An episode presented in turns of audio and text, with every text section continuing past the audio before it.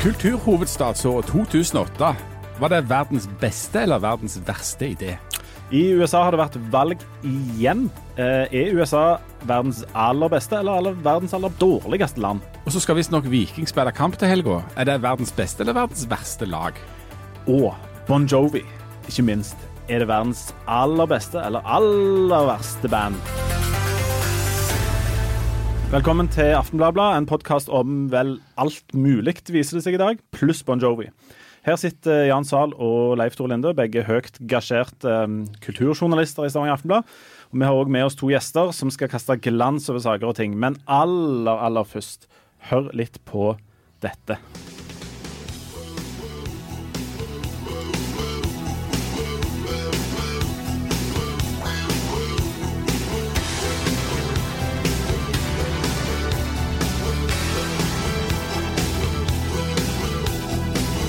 Det er jo ikke så ofte vi hører mm, Eller vi ser Jan Zahl eh, smile, men nå kan jeg fortelle deg, nå smilte han nesten rundt. Ja, men Leif Tore, du må innrømme det går kaldt nedover ryggen på deg nå på en god måte. Nei, altså Problemet er at min rygg reagerer ikke på dette overhodet.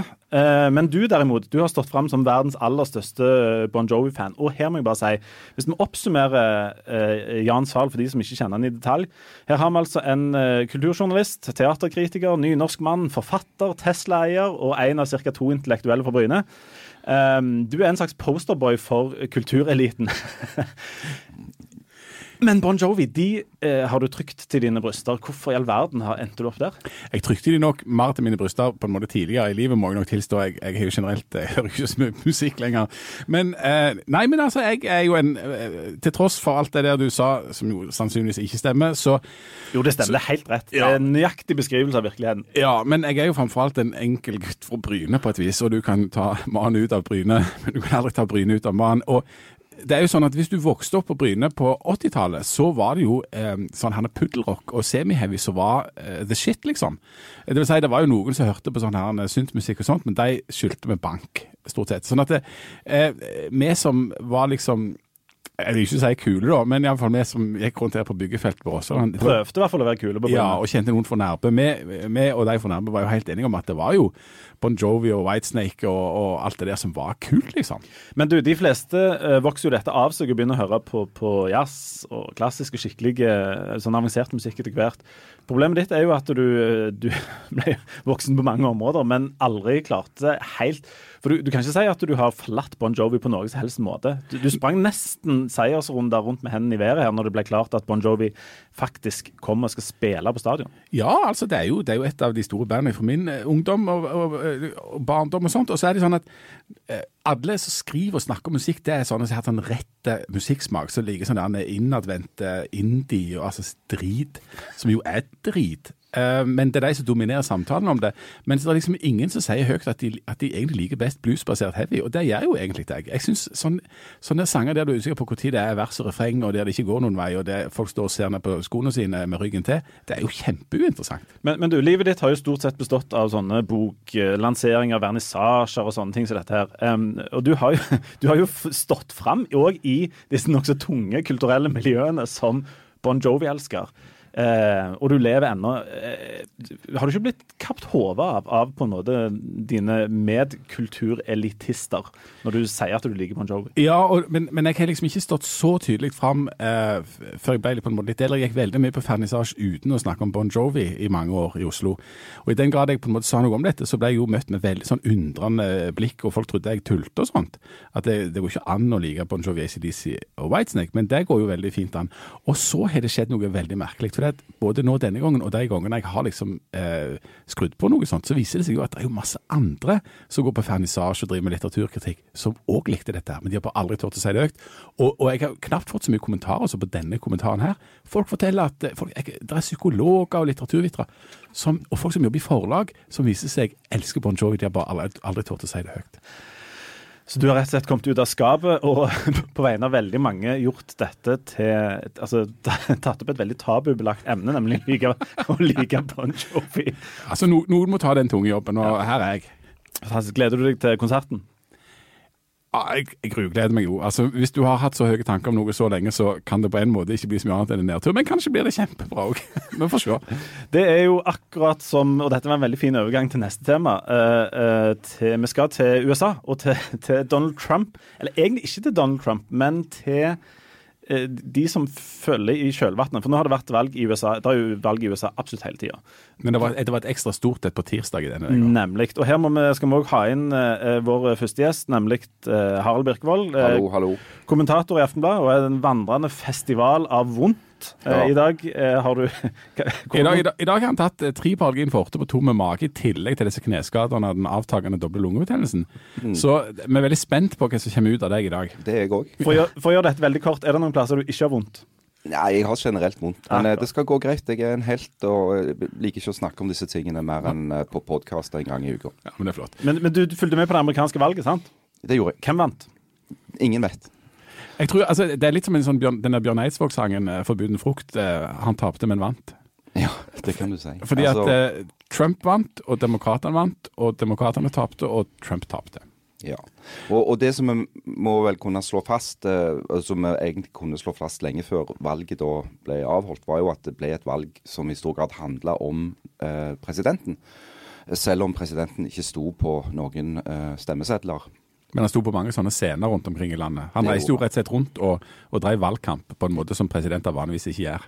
Og bare sånn Formelt sett, for at man skal ha sagt hvordan det faktisk gikk, så vant altså republikanerne flere representanter i Senatet, som utpeker høyesterettsdommere og dommere lenger ned i systemet og godkjenner statsråder og sånt, mens demokratene, som forventa, eh, vant flertall i Representantenes hus, som er på en måte Underhuset. De eh, godkjenner lover og bestemmer økonomien. Og det er helt vanlig. Det, det ville vært svært overraskende hvis ikke eh, demokratene gikk fram i Representantenes hus. Fordi at det er normalt at den sittende presidenten sitt parti eh, gjør et dårlig valg i, i, Representantenes hus, i de såkalte mellomvalgene. Og eh, hvis vi tenker tilbake på hva som skjedde med f.eks. Barack Obama, så fikk jo demokratene et voldsomt nederlag i mellomvalget i 2010 etter ja. valgseieren. Og et mye større enn en det Trump har opplevd nå. Sånn at, ja. En snakket jo om at, at, det skulle komme en sånn bølge, eh, demokratisk bølge nå. og Den bølga var for så vidt der, men var ikke så stor som de hadde forventa på et visst tidspunkt eller håpet på. Mm. Rett og slett. Men, men OK, nå, det har jo blitt sagt enormt mye om dette valget både i oppsangen og, og, og rett etterpå. men det store spørsmålet er hva er det nå som skjer? Og Det fikk vi allerede et signal om eh, dagen etter valget. For da eh, sparka Trump justisministeren, rett og slett. Jeff Sessions, som jo har vært et eh, mobbeoffer for eh, Donald Trump helt siden han erklærte seg inhabil i Muller sin etterforskning av forbindelsene mellom Russland og den valgkamporganisasjonen til Trump, så har jo Trump hamra løs på sin egen justisminister. det pussige var jo at Jeff Sessions eh, før han ble eh, justisminister, var en såkalt Trump-lojalist. Han var en av de som reiste landet rundt og holdt lovtaler til Donald Trump, eh, og ble da belønna eh, av Trump med denne posten som justisminister.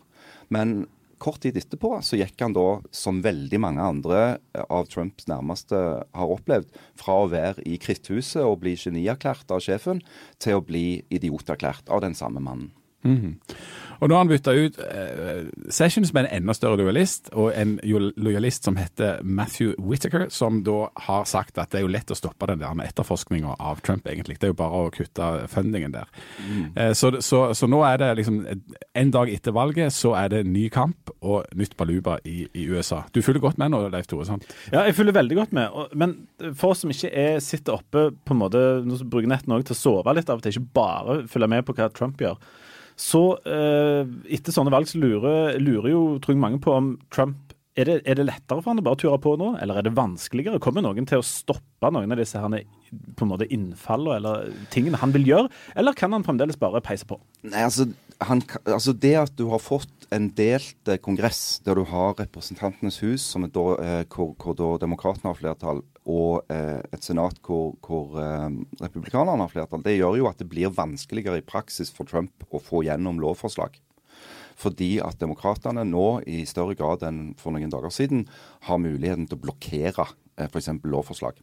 Eh, og de har større kontroll over pengebruken. Eh, forslag fra Det hvite hus som innebærer belastninger på statsbudsjettet, skal innom eh, de, og det kan de si nei til. Samtidig så må vi huske på at uh, lenge før Trump kom til makten, uh, særlig under Obama, så økte Det hvite hus og presidenten sin makt gjennom såkalte presidentordrer.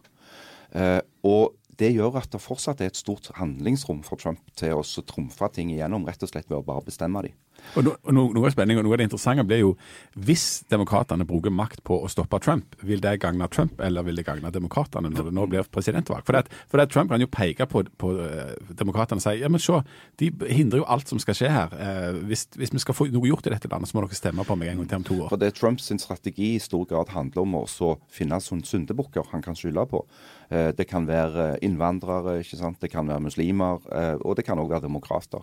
Og Det er kanskje noe av det som bekymrer meg aller mest, og som er et svar også på det vanlige spørsmålet som sikkert du òg sitter og brenner inne med nå, Leif Tore. Det er hvorfor bryr vi oss så mye om dette? Ja. Hvorfor er det så viktig for så mange norske journalister og hva som skjer i, i den amerikanske politikken? Jo, det er fordi at Amerika er fortsatt verdens overlegent største militære supermakt. Den største økonomiske supermakten og en kulturelle supermakt. Det er verdens viktigste demokrati. Og det som skjer i USA, når USA nå under Trump går i en illiberal retning, eh, er sterkt bekymringsfullt for det at dette kan spre seg. Eh, Det er jo en global trend vi ser. Eh, Hvis, hvis du Altså, jeg, jeg, jeg er sikker på at veldig mange blir leie av Trump sant? syns det blir for mye. Men hvis du faktisk hører etter hva han sier, så er det, i alle fall for en som meg, dypt skremmende det som skjer. Fordi at hvis USA forfaller som et liberalt representativt demokrati, så er det ikke bare et problem for USA, det er et problem for alle. Som, eh, så det som skjer i USA, kan da bane vei, eller har kanskje allerede bant vei for en del sånne strømninger, eller i hvert fall gjort det lettere for den type folk å komme til maktposisjoner i Europa. I Europa, du, du ser det jo i Europa, der er på en måte høyrepopulistene på vei fram, og den retorikken, altså den der ekstremt grove munnbruken som, som Trump da er en eksponent for, det har liksom blitt greit eh, på et vis å, å holde på med i politikken. Altså har, eh, Anstendighetsnivået har sunket dramatisk da, og det sprer seg til hele verden. Og Det ser du, det ser du i Europa, du ser det i Asia, du ser det overalt. liksom. Og Tenk på hva vi har vent oss til. Altså I de to åra Trump har vært president i USA, hva vi har vent oss til av, av språkbruk. Eh, hva, hva som du nå kan si uten at det får konsekvenser, det er, det er nesten ikke til å forstå. Men, men har vi noen sånn ekte tr sånn trumpister i Norge? Er det noen som på en måte legger seg rett i kjølvannet av dette her, f.eks. i Norge?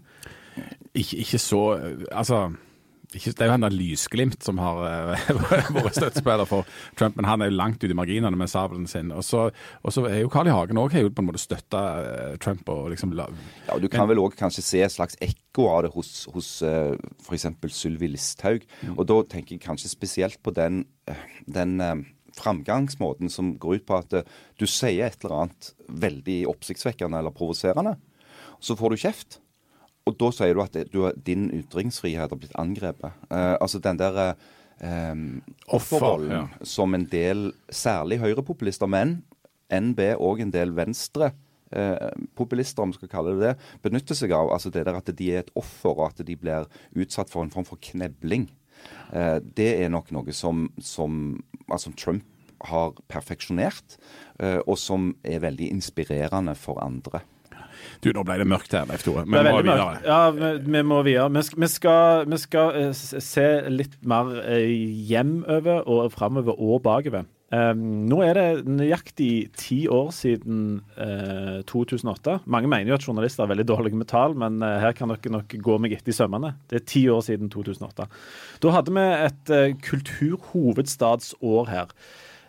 Og i all korthet så brukte vi litt over 300 millioner på å lage det som vel fremdeles er det største kulturarrangementet i Norge noensinne. Ja, det er det faktisk norgeshistoriens største kulturarrangement. Eh, Det skulle du ikke tro hvis du så på på den nasjonale dekninga av det, men, men sånn var det. altså. Det var to millioner folk som var inne og så på et eller annet arrangement. Hundrevis av arrangement i løpet av det året. Et helt gigantisk løft eh, for denne byen. Og i, inne dette studioet her sitter det tre stykker som vel nærmest jobbet på fulltid med eh, dette. Vi fikk vel Eh, faktisk jobb på, her i avisa nærmest pga. kulturhovedstadsåret 2008. Faktisk det. Du og meg, og til en viss grad deg, Solveig Grødem Sandelsson, som er debattredaktør nå. som nå får lov til å være med. Jeg har jo følt meg knebla lenge nå i denne poden. Bare for å ha sagt det. Du går rett inn i krenkelsesofferet. Jeg rett Jeg er, jeg er djupt, djupt krenka. Eh, eh, men det var vel sånn at eh, eh, Altså, jeg var nok gravid. Derfor fikk vel Leif Tore komme inn. det, ja. Vi må vel, ja. Rett fra Så jeg er iallfall mye igjen av 2008, men kanskje ikke så mye kulturby som dere andre. Men det var jo en oppkjøring. Du Det var et veldig fruktbart år. Det var det. Markerte det på din måte. Ja. Du, eh, nå er det ti år siden. Um, hvis vi skal begynne med det aller enkleste og vanskeligste spørsmålet, var det verdt pengene og tida og innsatsen å ha dette kulturhovedstadsåret, syns du? Ja, jeg syns det, altså det var kult. Altså det, var, det, var jo, det, er ganske, det er ganske vilt å ha Jon Fosse på Lundsneset på Hundvåg, og folk valfarter. Eller oppe i Gloppedalsura for å se dansere henge i, i fjellveggen. Så jeg, jeg syns det var Når jeg ser tilbake igjen på det nå, så tenker jeg det var passelig eh, vilt og gale. Eh, Jan, du, jo, du er en kranglepant av dimensjoner, i tillegg til at du er en kulturelitist og Bon Jovi-fan. Men uh, du har drevet lest en del gamle papirer fra 2008 og året før. De er proppfulle av masse ambisjoner på absolutt alle felt som kan knyttes til kultur. Um, hvor mye vet vi om hva av dette som ble oppnådd? Ja, nå vet vi jo en del, men det er jo ikke Stavanger kommune sin eh, fortjeneste. Nå fordi kommer sjølskryten. Ja, nå kommer selvskryt, og det skal du lytte til, for det kommer jo alltid fra hjertet. Nemlig. Men altså, eh, jo da, jeg kom jo til byen og begynte å jobbe i Stavanger Aftenblad, eh, og, liksom bodde i byen for, på grunn av Stavanger 2008. Det ble opprettet noen stillinger her da. Og så, det betyr at jeg har drevet journalistikk på Stavanger 2008 helt ifra da.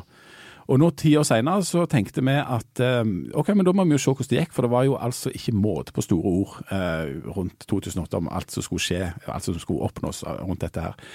Og eh, det ble undersøkt litt de nærmeste årene, eh, første året, liksom, om det hadde vært noen slags effekt av det, og effekten viste seg å være ganske liten egentlig. Men eh, ni år senere så vedtok kulturpolitikerne i Stavanger at de ville ha en, liksom en slags markering og sånt, men de sa nei til å, å finne ut fakta om hvordan det faktisk gikk. Så da tenkte vi OK, da må jo noen gjøre det, da får vi gjøre det. Så vi har sjekka eh, ble det sånn som de sa. Ble, der, eh, ble liksom kultur et nytt sånn næringsmessig bein å stå på etter olja? Ble det flere turister? Eh, Ble det flere kulturarbeidere? Eh, har Stavanger og regionen blitt en bedre kulturby? Hvordan gikk det med disse store prosjektene? Det har vi holdt på med faktisk si ja, mai, tror jeg vel det. Da går vi med på det sjøl. Ja, så det er jo gode, Det er jo gode- Det er gode spørsmål, men eh, og vi har funnet ut litt, og noe vet vi ikke. Um, Solveig, hva er, hva er det viktigste vi ser i dag som er en effekt av det som skjedde for ti år siden, i 2008? Ja, det, det, i alle fall så er det sånn at eh, Stavanger bruker fremdeles mye penger på kultur. Eh, Stavanger er jo den byen i Norge som har vært gjennom den verste økonomiske krisa, så det skal de, den skal de ha. Eh, og det betyr jo at mange politikere på tvers og over lang tid må ha fått inn i ryggraden at eh, kultur er viktig. Eh, den, den skal de i alle fall ha med seg. Eh, og så tror jeg Når en ser tilbake igjen, så er, det, så er det tydelig at vi er på en helt annen plass nå. Altså Den, den gangen så var de, de tok litt mye tran, eh, og de, var, de hadde forlest seg litt på Richard Florida mens de drakk tran. Hvem er Richard Florida? Hva sa han? Richard Florida han hadde en sånn eh, voldsomt populær teori om at hvis en, hvis en by bare satsa på å få inn eh, kulturfolka, den kreative eh, eliten, så kom det til å få voldsomme ringvirkninger. Eh, sånn at ingeniørene og sykepleierne og alle de ja, Han var ikke så opptatt av sykepleiere, det var litt skrøyt. Så, så hvis Men du fikk inn inn de- sånne som Jan Zahl, så kom resten til å gå av seg sjøl? så kom resten. Og nå har vi sittet her med Jan Zahl i årevis og sett at akkurat Det er der, Florida, det var kanskje ikke Han er riktignok blitt modigere og tør å stå fram med Bon Jovi.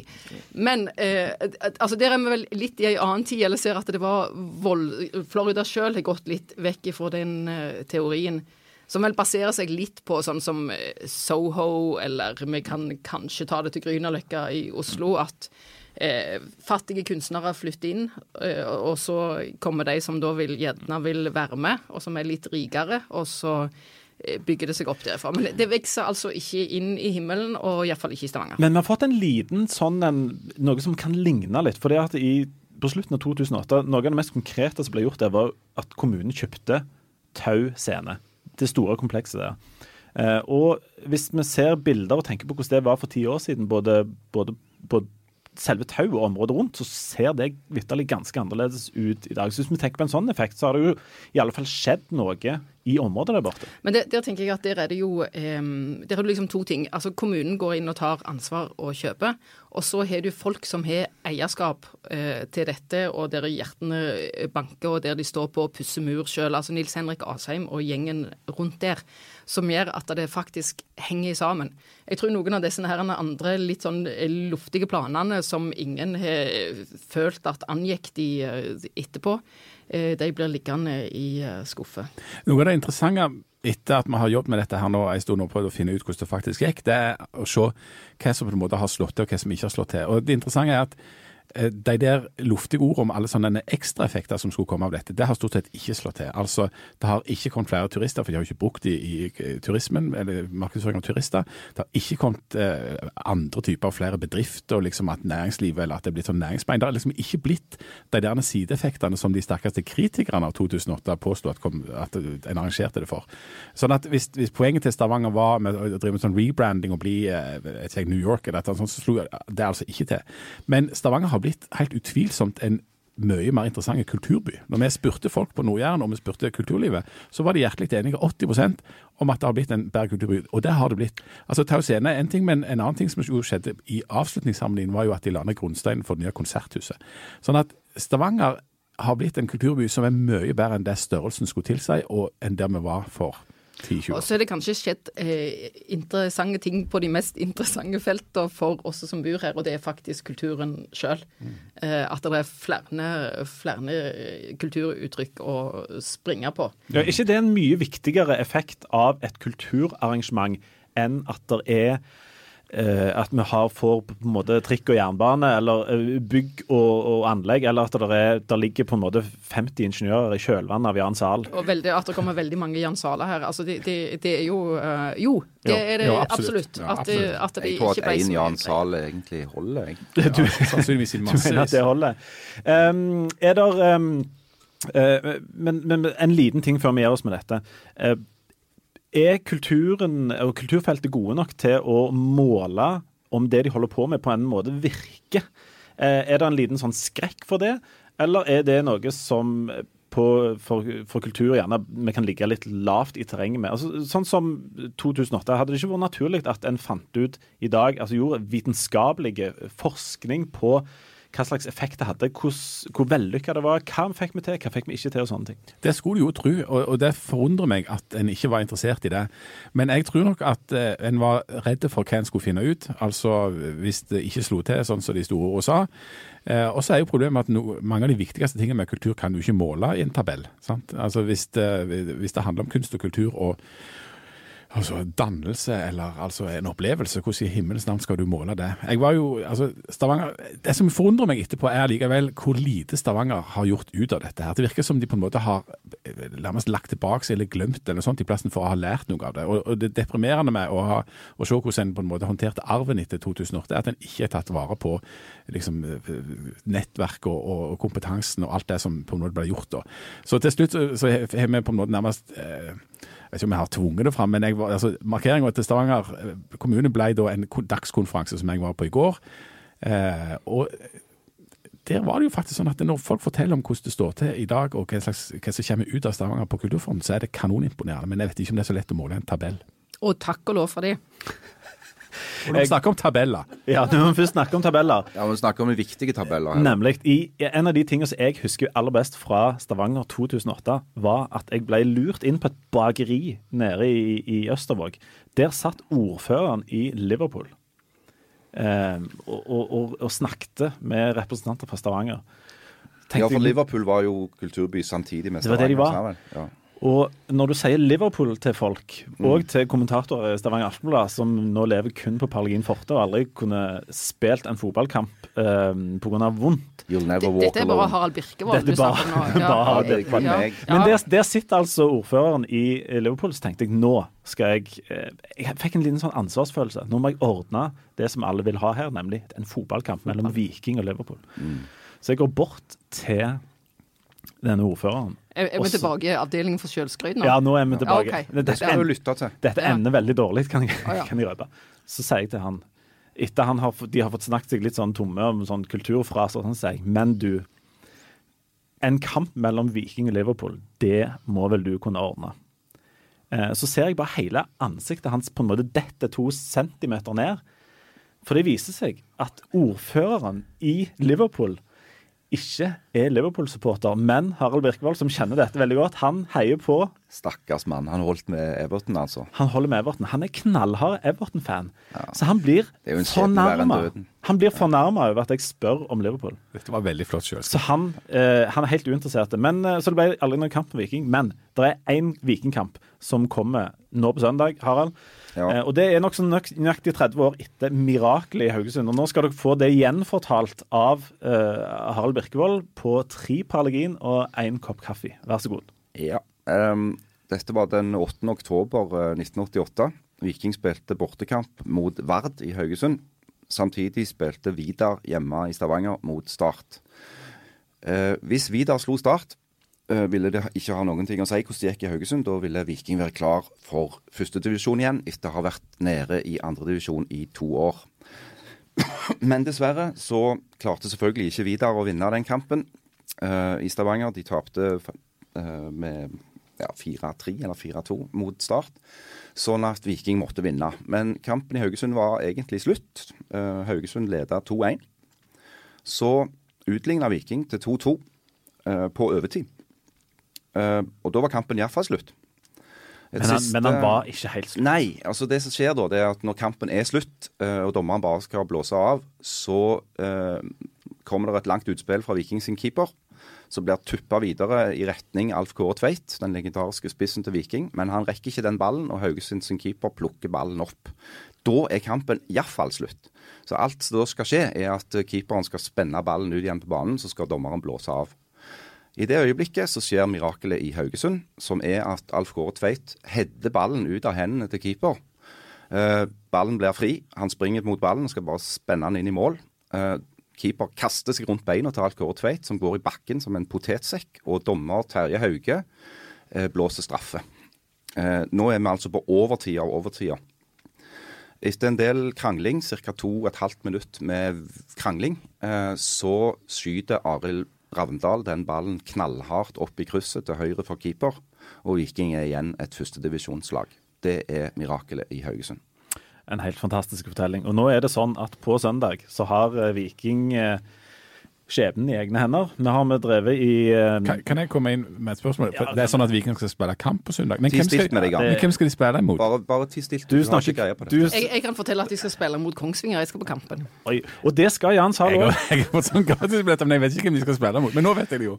De skal spille mot Kongsvinger. Vinner de den kampen, så er et år med ørkenvandring i, nede i Mikke Mus-ligaen, der vi har spilt mot bensinstasjoner og rundkjøringer og Campingplasser. campingplasser. Vi har Og spilt tapt mot for de. Vi har tapt for dem. Stilt med deg. vi, har, vi har spilt ikke engang mot de beste lagene i Nord-Norge, men marginale lag som holder til på noen knauser. Nummer langt- to-lag Ja. i Er Et byer lag som heter Kisa eller Et sted Kisa eller noe? Kisa, ja. Ingen Ja, så er de, de har sånn bindestrek i navnet til meg, for de er ikke engang sot. Ja, de er bare skråstreker nes. og bindestreker. Det er fryktelig. Semikolon. Men denne vandringen kan, nå kan, vi snart, eh, kan det snart være slutt. På søndag, hvis Viking vinner, så rykker vi ganske enkelt opp. Rett og slett. Men det ser vel du mørkt på, Birkevold? Jeg ser har- alltid mørkt på, på mulighetene. For, altså, greia er at jeg, helt siden far min begynte å ta meg med på stadion når jeg var et lite og uskyldig barn, så har jeg jo eh, Og det var jo i den tida når Viking vant serien, hvert år. Eh, da ble jeg indoktrinert. På 50-tallet, dette. Ja, det var tilbake på 50-tallet, din frekkas. Det dette var den, den gylne perioden fra 1971 til 1975. Ja. Eh, så jeg trodde jo, eh, når jeg var et lite uskyldig barn, at det skulle være sånn. At, Viking, eh, eller at fotball var et spill uh, hvor Viking vant hvert år, og, og, at det var kjempekjekt. Og at vi kunne gå ned ut forbi Atlantic ut med Breiavatnet og, og juble. Uh, jeg kunne sitte på skuldrene til far min og juble. Hvert år var det sånn. Men så viste det seg at det var jo ikke sånn. Men da hadde jeg jo blitt bitt av denne grusomme basillen. Så siden har jo dette her vært en serie av relativt brutale nedturer, egentlig. Det har det. Uh, og jeg, jeg, hører jo at folk nå gleder seg til denne kampen på, på søndag. Uh, jeg gruer meg som en hund. Uh, jeg kommer til å være et nervevrak de neste dagene. Og jeg kommer til å ha det ja, dypt, dypt problematisk fram til den kampen er godt og vel ferdige. Er du nok på Algin Forte? Ja, nei, jeg skal ikke ta mer av det greiene. Det, det helt løgn Men, men det fins egentlig ikke nok Paralgin Forte i verden til å dempe Den sjelelige smerten. Det ja. hjelper ikke mot sjelelig smerte, vet du. Det er kun og, fysisk. Og de av oss som faktisk bryr seg her eh, Nå er jo det sånn at halve bordet her bryr seg voldsomt, og, men alle skal på kamp. Ja, disse, ja. Men disse, disse, Kongsberg, er de gode, eller er de ringe? Ja, de er skidringe, men det har vist seg gjennom denne sesongen har i ingenting å si. Har ingenting å si. Vi har tapt mot lag som til og med vi som er ekstremt opptatt av dette, nesten ikke visste det eksisterte. Mm. Det kan gå alle veier, men før vi gjør oss nå, så skal, siden alle her skal på kamp så skal Kan noen passe på at Jan finner fram? Eh, vi skal, vi skal, jeg skal komme og holde det. Skal du òg på kamp, Solveig? Jeg skal på kamp. Alle skal på kamp. Nå skal vi rett og slett vi skal tippe, vi skal tippe resultat uh, før vi gir oss. Uh, vi begynner med, med Jan sal. Jeg tipper at eh, Viking slår Kongsnes med 2-1. Akkurat. Solveig? Jeg høyner 3-1 til Viking. Harald? Jeg, nei, jeg, jeg tror ikke jeg bare, jeg bare håper vi vinner. Altså, det er det eneste som betyr noe. Det betyr ingenting. Altså, det betyr ingenting om den kampen er bra eller dårlig eller noe som helst. Det eneste som betyr noe, er at Viking vinner. Da skal jeg ta jinxa dette med å si at Viking kommer til å knekke Kongsvinger 5-0. Og vi kommer til å storme banen i, uh, i, eufori, og jeg kommer ikke til å komme på jobb på mandag. Jeg har så vondt i kneet, jeg klarer ikke å storme banen. Jeg kan bære deg ut. Og med det tror jeg vi sier takk for i dag. Husk å uh, abonnere på podkasten vår, og gi den gjerne stjerner i iTunes, den slags. Så lover vi å være tilbake, uh, med mindre vi har gått inn i en dyp, dyp, dyp vikingdepresjon. Er vi tilbake neste uke. Takk for nå.